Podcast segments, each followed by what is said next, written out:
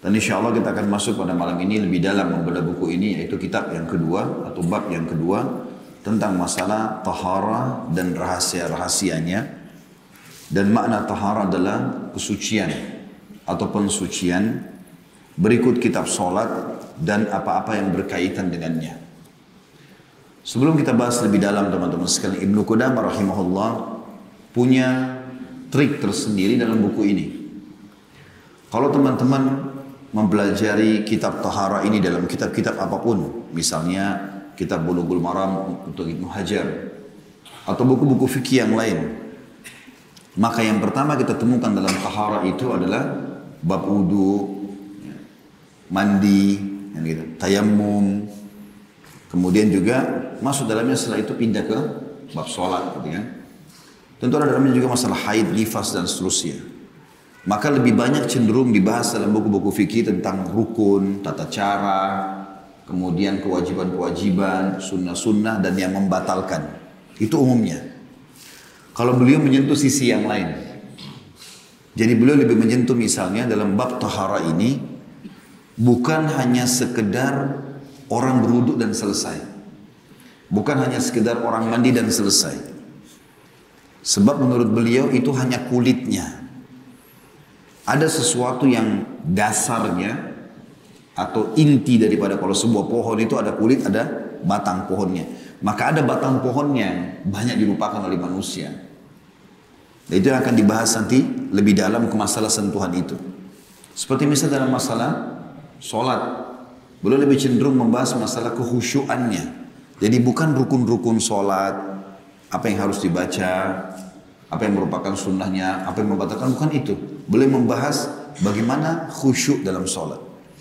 Jadi walaupun boleh membahas tentang bab tohara, bab sholat, tapi lebih cenderung membahas masalah itu.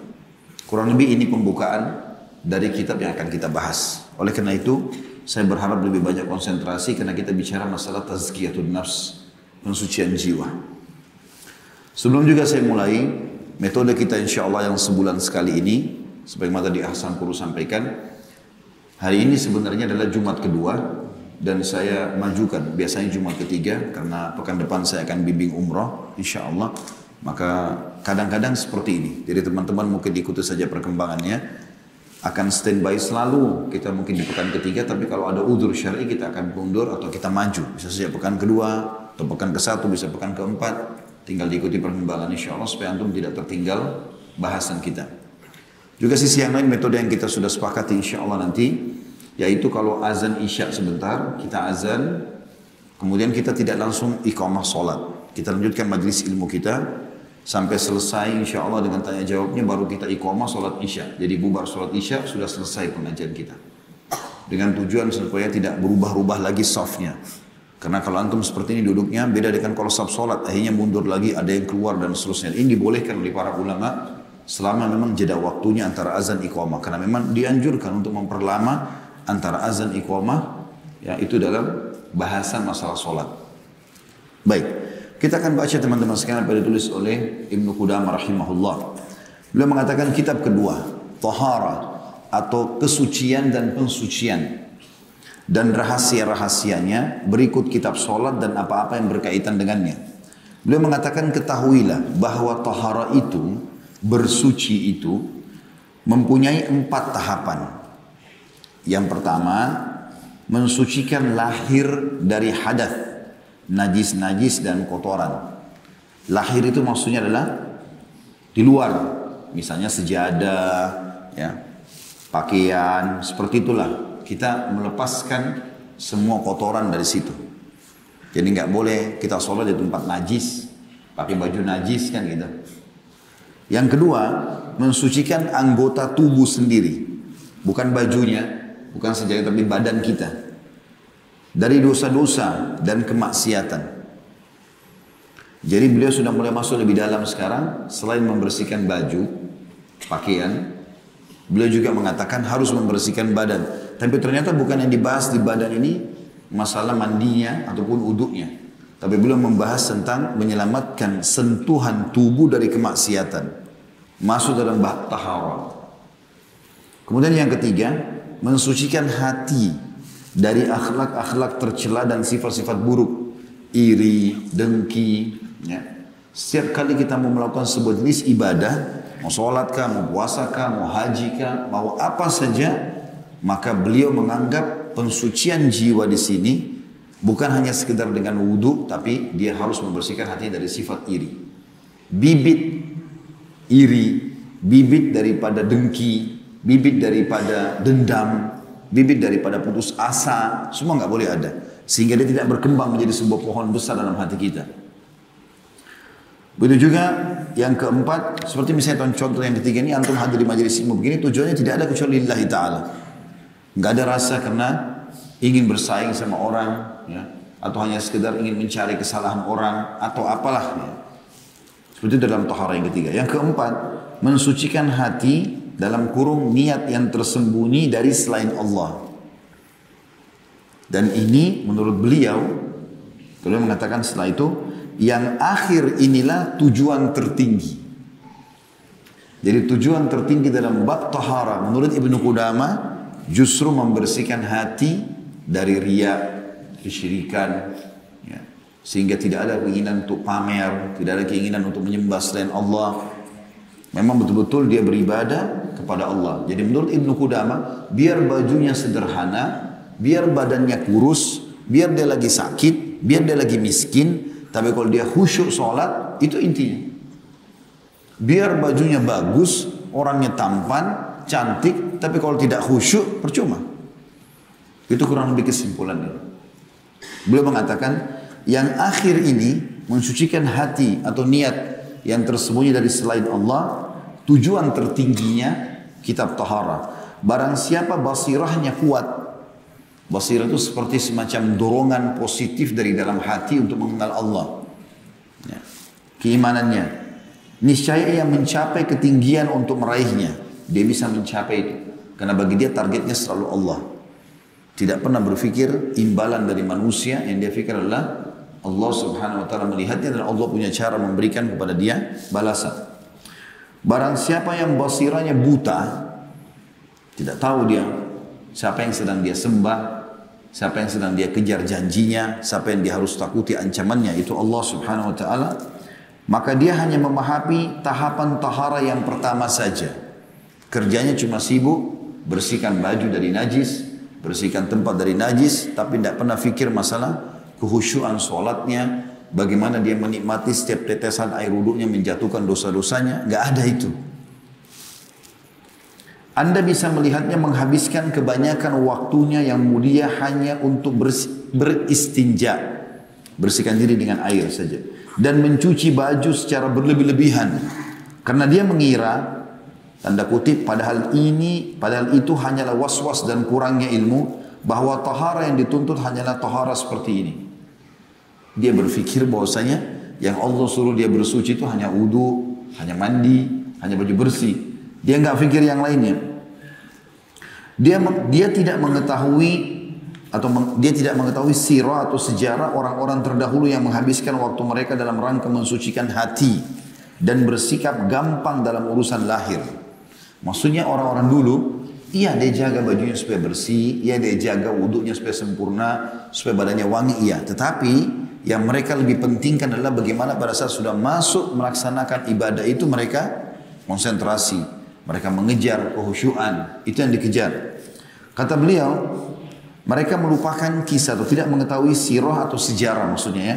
Orang-orang terdahulu yang menghabiskan waktu mereka dalam rangka mensucikan hati mereka, ini tohara yang sebenarnya, dan bersifat gampang dalam urusan lahir.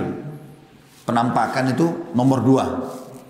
Sebagaimana diriwayatkan dari Umar radhiyallahu anhu bahwa beliau pernah berwuduk dari bejana milik seorang wanita Nasrani. Dalam arti kata, wudhu tidak punya bejana, pakai punya orang, Nasrani lagi. Tapi nggak penting bagi Umar. Karena yang penting bagi Umar adalah kehusyuannya. Mereka hampir tidak mencuci tangan mereka dari sisa makanan. Karena kadang-kadang kalau makan makanan umumnya mereka makan yang kering. Roti kering, sedikit aja minyak gitu kan. Sehingga tangannya tidak kotor. Mereka tidak terlalu peduli dengan masalah itu. Mereka sholat di atas tanah. Tidak ada sejadah pun oke. Okay. Sholat tempatnya berdebu pun oke. Okay. Yang penting tiba waktu sholat, sholat. Berjalan tanpa alas kaki dan berijmar, ber, ber, ya, beristijmar atau bersuci dari buang hajat hanya dengan batu saja. Kan kita pakai boleh pakai istinja air, boleh pakai istijmar, pakai batu kering gitu kan. Kondisi saat ini sudah sampai pada satu kaum di mana mereka menamakan kudungungan atau kebodohan dengan kebersihan. Anda melihat kebanyakan waktu mereka habis dalam rangka memperhias lahirnya saja, sedangkan batin mereka lapuk berlumut kesombongan, bangga diri atau ujub, kebodohan, riak, dan kemunafikan yang paling busuk Seandainya mereka melihat orang yang hanya beristijmar dengan batu atau berjalan di atas tanah tanpa alas kaki atau orang yang sholat di atas tanah tanpa alas atau beruduk dari bejana wanita tua, niscaya mereka akan mengingkarinya dengan keras, menjulukinya dengan orang kotor dan menolak makan bersamanya. Lihatlah bagaimana mereka menjadikan kesederhanaan yang merupakan bagian dari iman sebagai kotoran dan kebodohan sebagai kebersihan membalik perkara yang mungkar menjadi ma'ruf, yang ma'ruf menjadi mungkar. Tetapi barang siapa yang dimaksud dimaksudnya dalam bersuci adalah kebersihan tanpa boros air, tidak meyakini bahwa menggunakan air banyak adalah dasar agama, maka perbuatan ini bukan merupakan kemungkaran. Sebaliknya, ia adalah perbuatan baik. Silahkan merujuk buku-buku fikih bila anda ingin mengetahui hadas dan najis. Karena tujuan buku ini adalah adab dan perilaku. Artinya paragraf terakhir ini saya tidak akan bahas rukun, syarat yang membatalkan, saya tidak akan bahas itu. Ini hanya membahas masalah adab dan tata kerama dalam beribadah. Jadi beliau mau mengatakan di paragraf terakhir juga nanti kita akan mundur ke belakang.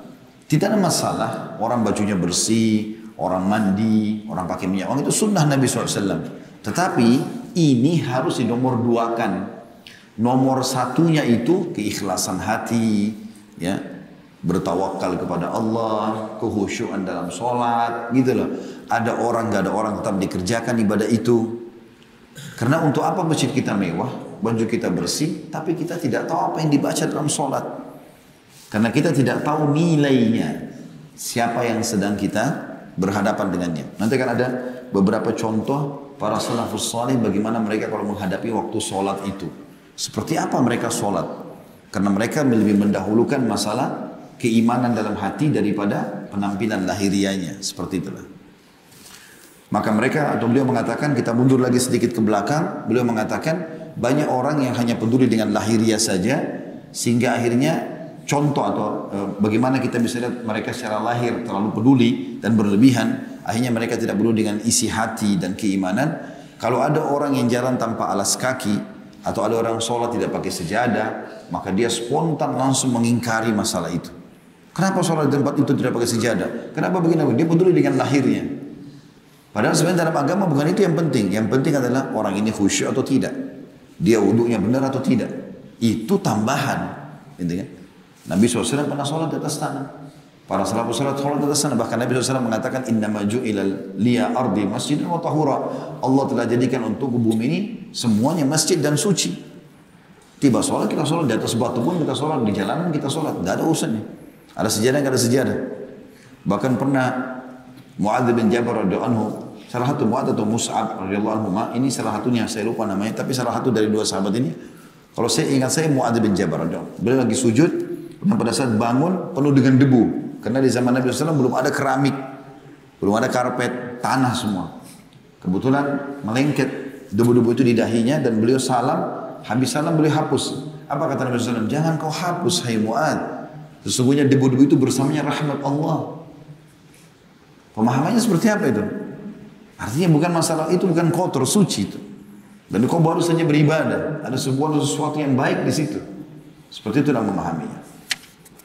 Ada subjudul yang lain belum mengangkat, mengangkat kotoran. Kata beliau, menghilangkan kotoran terbagi menjadi dua. Yang pertama kotoran yang patut dibersihkan, seperti kotoran dan noda yang berkumpul di kepala. Dianjurkan dibersihkan dengan mandi, menyisir dan memakai krim pembersih untuk menghilangkan kusut. Demikian pula kotoran yang terkumpul pada telinga dan hidung. Semua itu patut dibersihkan. Secara hukum fikih begitu. Makanya kita wudhu, basuh kepala, ya, membersihkan hidung, membersihkan kuping. Ini bagian daripada syariat juga. Dianjurkan pula bersiwak dan berkumur untuk menghilangkan kotoran yang menempel pada lidah dan gigi. Demikian pula kotoran di sela-sela lipatan jari, jari, jari tangan, kotoran yang mengumpul di seluruh badan akibat keringat dan debu jalanan. Mandi bisa menghilangkan semua itu. Boleh masuk tempat pemandian. Tentu di sini saya perlu jelaskan ya. Tempat pemandian yang dimaksud di sini, di zaman beliau Ibnu Qudama ini ratusan tahun yang lalu ini. Zaman sekarang mungkin sebagian negara saja ada. Zaman dulu tuh karena orang tidak punya kamar mandi dalam rumah, mereka biasa mandi pergi ke padang pasir, pergi ke mana-mana. Maka ada sebagian orang buka pemandian umum. Tetapi untuk laki-laki, laki-laki semuanya, perempuan-perempuan semua. Tidak dicampur aduk kayak kolam renang kita sekarang. Dan itu biasanya kamar-kamar mandi ini dipakai, ya umumnya dipakai di musim dingin. Karena mereka siapkan air hangat, maka orang mandi masing-masing. Gitu kan. Maka beliau membahas di masanya beliau. Beliau mengatakan, boleh masuk tempat pemandian. Pemandian di sini bukan kolam renang sekali lagi. Jenis pemandian di zaman beliau masih hidup. Laki-laki sendiri semuanya. Lalu mengatakan karena ia bisa menghilangkan kotoran sebersih-bersihnya. Karena para sahabat Rasulullah SAW juga memasukinya. Akan tetapi siapa yang masuk hendaknya menjaga auratnya agar tidak dilihat oleh orang lain dan tersentuh olehnya, maksudnya oleh orang lain. Berarti di sini, walaupun orang harus masuk pemandian umum, Ya, beliau bahas begitu, maka ada sisi keimanan yang harus difahami. Yaitu tidak boleh terlihat auratnya oleh orang lain. Ya, orang sekarang masuk di spa, masuk di apalah ya, yang zaman sekarang mungkin untuk membersihkan diri, merawat diri dengan alasan, tapi dia sudah tidak punya malu pada saat masuk akhirnya harus membuka auratnya. Sementara membuka aurat ini walaupun di depan sesama jenis tidak boleh. Sesama jenis pun tidak boleh. Laki-laki sama laki-laki tidak boleh telanjang sama-sama. Perempuan sama perempuan tidak boleh. Kata Nabi SAW dalam sebuah hadis yang sahih, janganlah laki-laki satu sarung dengan laki-laki yang lain dan jangan perempuan satu sarung dengan perempuan yang lainnya. Ini semua untuk menutup pintu-pintu homoseksual, lesbian dan juga yang lainnya. Kata beliau orang yang masuk patut mengingat panasnya api neraka saat merasakan kehangatannya. Karena kan tadi saya bilang pemandian itu pakai air hangat. Jadi beliau bilang kalau orang mukmin itu dia masuk ke sebuah fasilitas yang dia sedang lakukan. Kan mandi bagian daripada syariat, boleh. Tapi kalau dia sedang mandi, maka dia harus hubungkan dengan keimanannya. Gak boleh begitu saja dia mandi. Misal dia mandi air hangat, maka di sini kata beliau harusnya dia mengingat panasnya api neraka saat merasakan kehangatannya. Karena pemikiran seorang mukmin selalu berkelana menjelajahi segala sesuatu dari perkara dunia, lalu dengannya dia mengingat akhirat. Sebab yang mendominasi seorang mukmin adalah perkara akhirat. Seumpama rembesan setiap bejana menunjukkan isinya. Perhatikanlah, seandainya sebuah tempat yang ramai dimasuki oleh tukang kain, tukang kayu, tukang bangunan, dan tukang tenun. Kamu melihat tukang kain, misalnya kalau pasar, pedagang kain, pada saat masuk pasar, maka dia akan memperhatikan kain-kain. Juga memperhatikan harganya, Tukang tenun melihat kepada tenunan kain.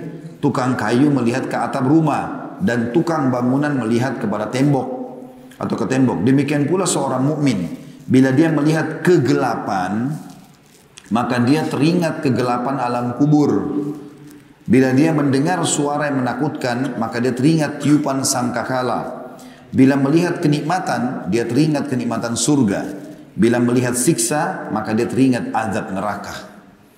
Jadi maksudnya apa yang sedang kau hadapi ini jangan hanya lewat begitu saja. Jadikan semuanya ada hubungannya dengan masalah keimananmu. Walaupun itu sifatnya sunnah yang sedang kau lakukan. Jadi kalau kita lagi makan makanan enak, kita pada saat itu dianjurkan oleh Ibnu Qudamah rahimahullah untuk membayangkan kenikmatan surga. Sehingga kenikmatan ini dari kecil dan kita termotivasi untuk mengejar yang di sana. Tentu butuh ilmu ya. Dibaca misalnya kita suka makanan. Makanan kan setiap hari kita makan. Coba cari tulisan-tulisan yang berhubungan dengan masalah makanan-makanan dan minuman ahli surga misalnya. Gitu kan? Seperti itu. Atau kita lagi kebetulan di rumah mati lampu gelap. Pada saat itu jadikan momen itu, momen mengingat bagaimana kalau kita di kuburan dan gelap sendirian. Seperti itulah. Pada saat kita lagi takut, kena ada mau serangan musuh, atau ada suatu kejadian misalnya, kita bayangkan bagaimana kalau terjadi pada hari kiamat nanti. Ya. Saya temui sebagian ikhwah yang kebetulan mereka pada saat menghadapi sebuah pengobatan misalnya dan pingsan misalnya. Lalu dia membahasakan, saya membayangkan tadi bagaimana kalau seandainya sakaratil maut datang. Jadi kita bayangkan masalah itu. Kita bayangkan bagaimana kalau malaikat maut datang. Saya pernah coba terapkan dalam hidup saya. Saya pernah satu kali subhanallah dirawat di Jakarta. Waktu itu qadarullah masya'fal. Saya merasa demam dan terus saya masuk rumah sakit dan dirawat beberapa hari gitu. Di mana hari pada saat saya lagi diinfus. Tiba-tiba saya terkaget malam itu dan gelisah, nggak bisa tidur. Saya mau kamar mandi pun berat sekali rasanya badan ini gitu kan. Lalu saya coba Ya, pada saat itu paksakan diri berdua lalu saya coba sholat sambil duduk. Karena tidak mampu waktu itu sholat berdiri, lagi sakit luar biasa gitu. Tapi tiba-tiba saya entah kenapa membayangkan apakah memang saya masih bisa hidup setelah ini. Kalau seandainya malaikat maut datang sekarang dari dari belakang ya gorden rumah sakit ini bagaimana keadaan? Tidak ada yang tahu saya, saya lagi sendirian, ada istri saya lagi tidur waktu itu menemani saya.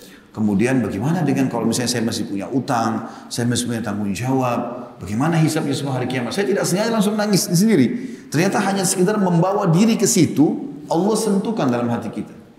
Sudah cukup untuk kita ingat itu. Sampai saya datang, waktu saya nangis itu saya, dia datang. Kenapa? Ya, saya tiba-tiba membayangkan kalau dari belakang korden ini ada malaikat mau datang sekarang mencabut roh saya. Orang tinggal tahu kenangan Khalid Basalamah pernah hidup. Seminggu, dua minggu saya diingat. Setelah itu sudah hilang ceritanya. Sekarang teman-teman, ayah kakek antum, antum masih ingat gak? Atau kakeknya kakek kita. Saya pernah dikasih sebuah kertas, nasab jalur kami, yang saya tahu cuma sampai kakek saya. Di atasnya cuma tahu nama, saya tidak pernah tahu orangnya seperti apa. Bahkan mungkin sudah tidak pernah dikenang lagi. Jadi sebenarnya mengenang kita itu cuma sangat dekat sekali. Kita harus punya persiapan teman-teman sekalian. Kata beliau, makruh masuk pemandian menjelang matahari terbenam dan di antara maghrib dan isya. Karena waktu tersebut adalah waktu setan gentayangan. Ya. Di malam hari seperti ini memang tidak boleh kita melakukan aktivitas kecuali kebaikan saja. Makanya diskotik, bar, segala macam ramai justru di malam hari. Karena memang setan lagi ya gerilya pada saat itu. Ya. Kata Nabi SAW kalau kalau masuk maghrib Masukkan anak-anak kalian, anak-anak kalian ke dalam rumah karena syaitan sedang menyebar. Bentuk yang kedua dari mengangkat kotoran adalah bagian-bagian yang patut dibuang. Jadi kalau ada yang dimaksud dengan kotoran dalam tubuh yang harus orang mukmin jaga adalah tadi yang pertama dia membersihkan semua tubuhnya, ya, anggota tubuh yang kotor, kepala, mulut segala macam. Bentuk yang kedua adalah mengangkat kotoran Ya. Dari mengangkat bentuk kedua dari mengangkat kotoran adalah bagian-bagian yang patut dibuang seperti mencukur kumis, ya. mencabut bulu ketiak, mencukur bulu kemaluan, dan memotong kuku. Makruh mencabut uban dan dianjurkan untuk disemir. Ini hukum syar'i tentunya. Ya. Jadi yang dimaksud dengan mencukur kumis bagi laki-laki ada dua pendapat ulama. Pendapat pertama mengatakan dirapikan sehingga tidak menutupi garis bibir. Pendapat kedua mengatakan dicukur habis. Dua-duanya punya dalil tentunya dalam masalah ini. Tapi seorang mukmin laki-laki dianjurkan melakukan itu baik pada saat dia mau umrah ataupun dalam kesehariannya. Kemudian mencabut bulu ketiak, ini sudah kita tahu dan mencukur bulu kemaluan adalah fitrah. Yang Nabi SAW mengatakan lima fitrah harus dijaga oleh seorang muslim. Potong khitan, potong kuku, cukur bulu kemaluan, cukur, eh, cabut bulu ketiak dan juga mencukur kumis. Ya. Begitu juga dengan memotong kuku. Jadi orang mukmin tidak punya kuku yang panjang-panjang. Nah, berapa orang ikhwah begitu saya lihat kukunya panjang. Kenapa? Katanya untuk buka plastik lah, untuk apa. Memang nggak ada gunting.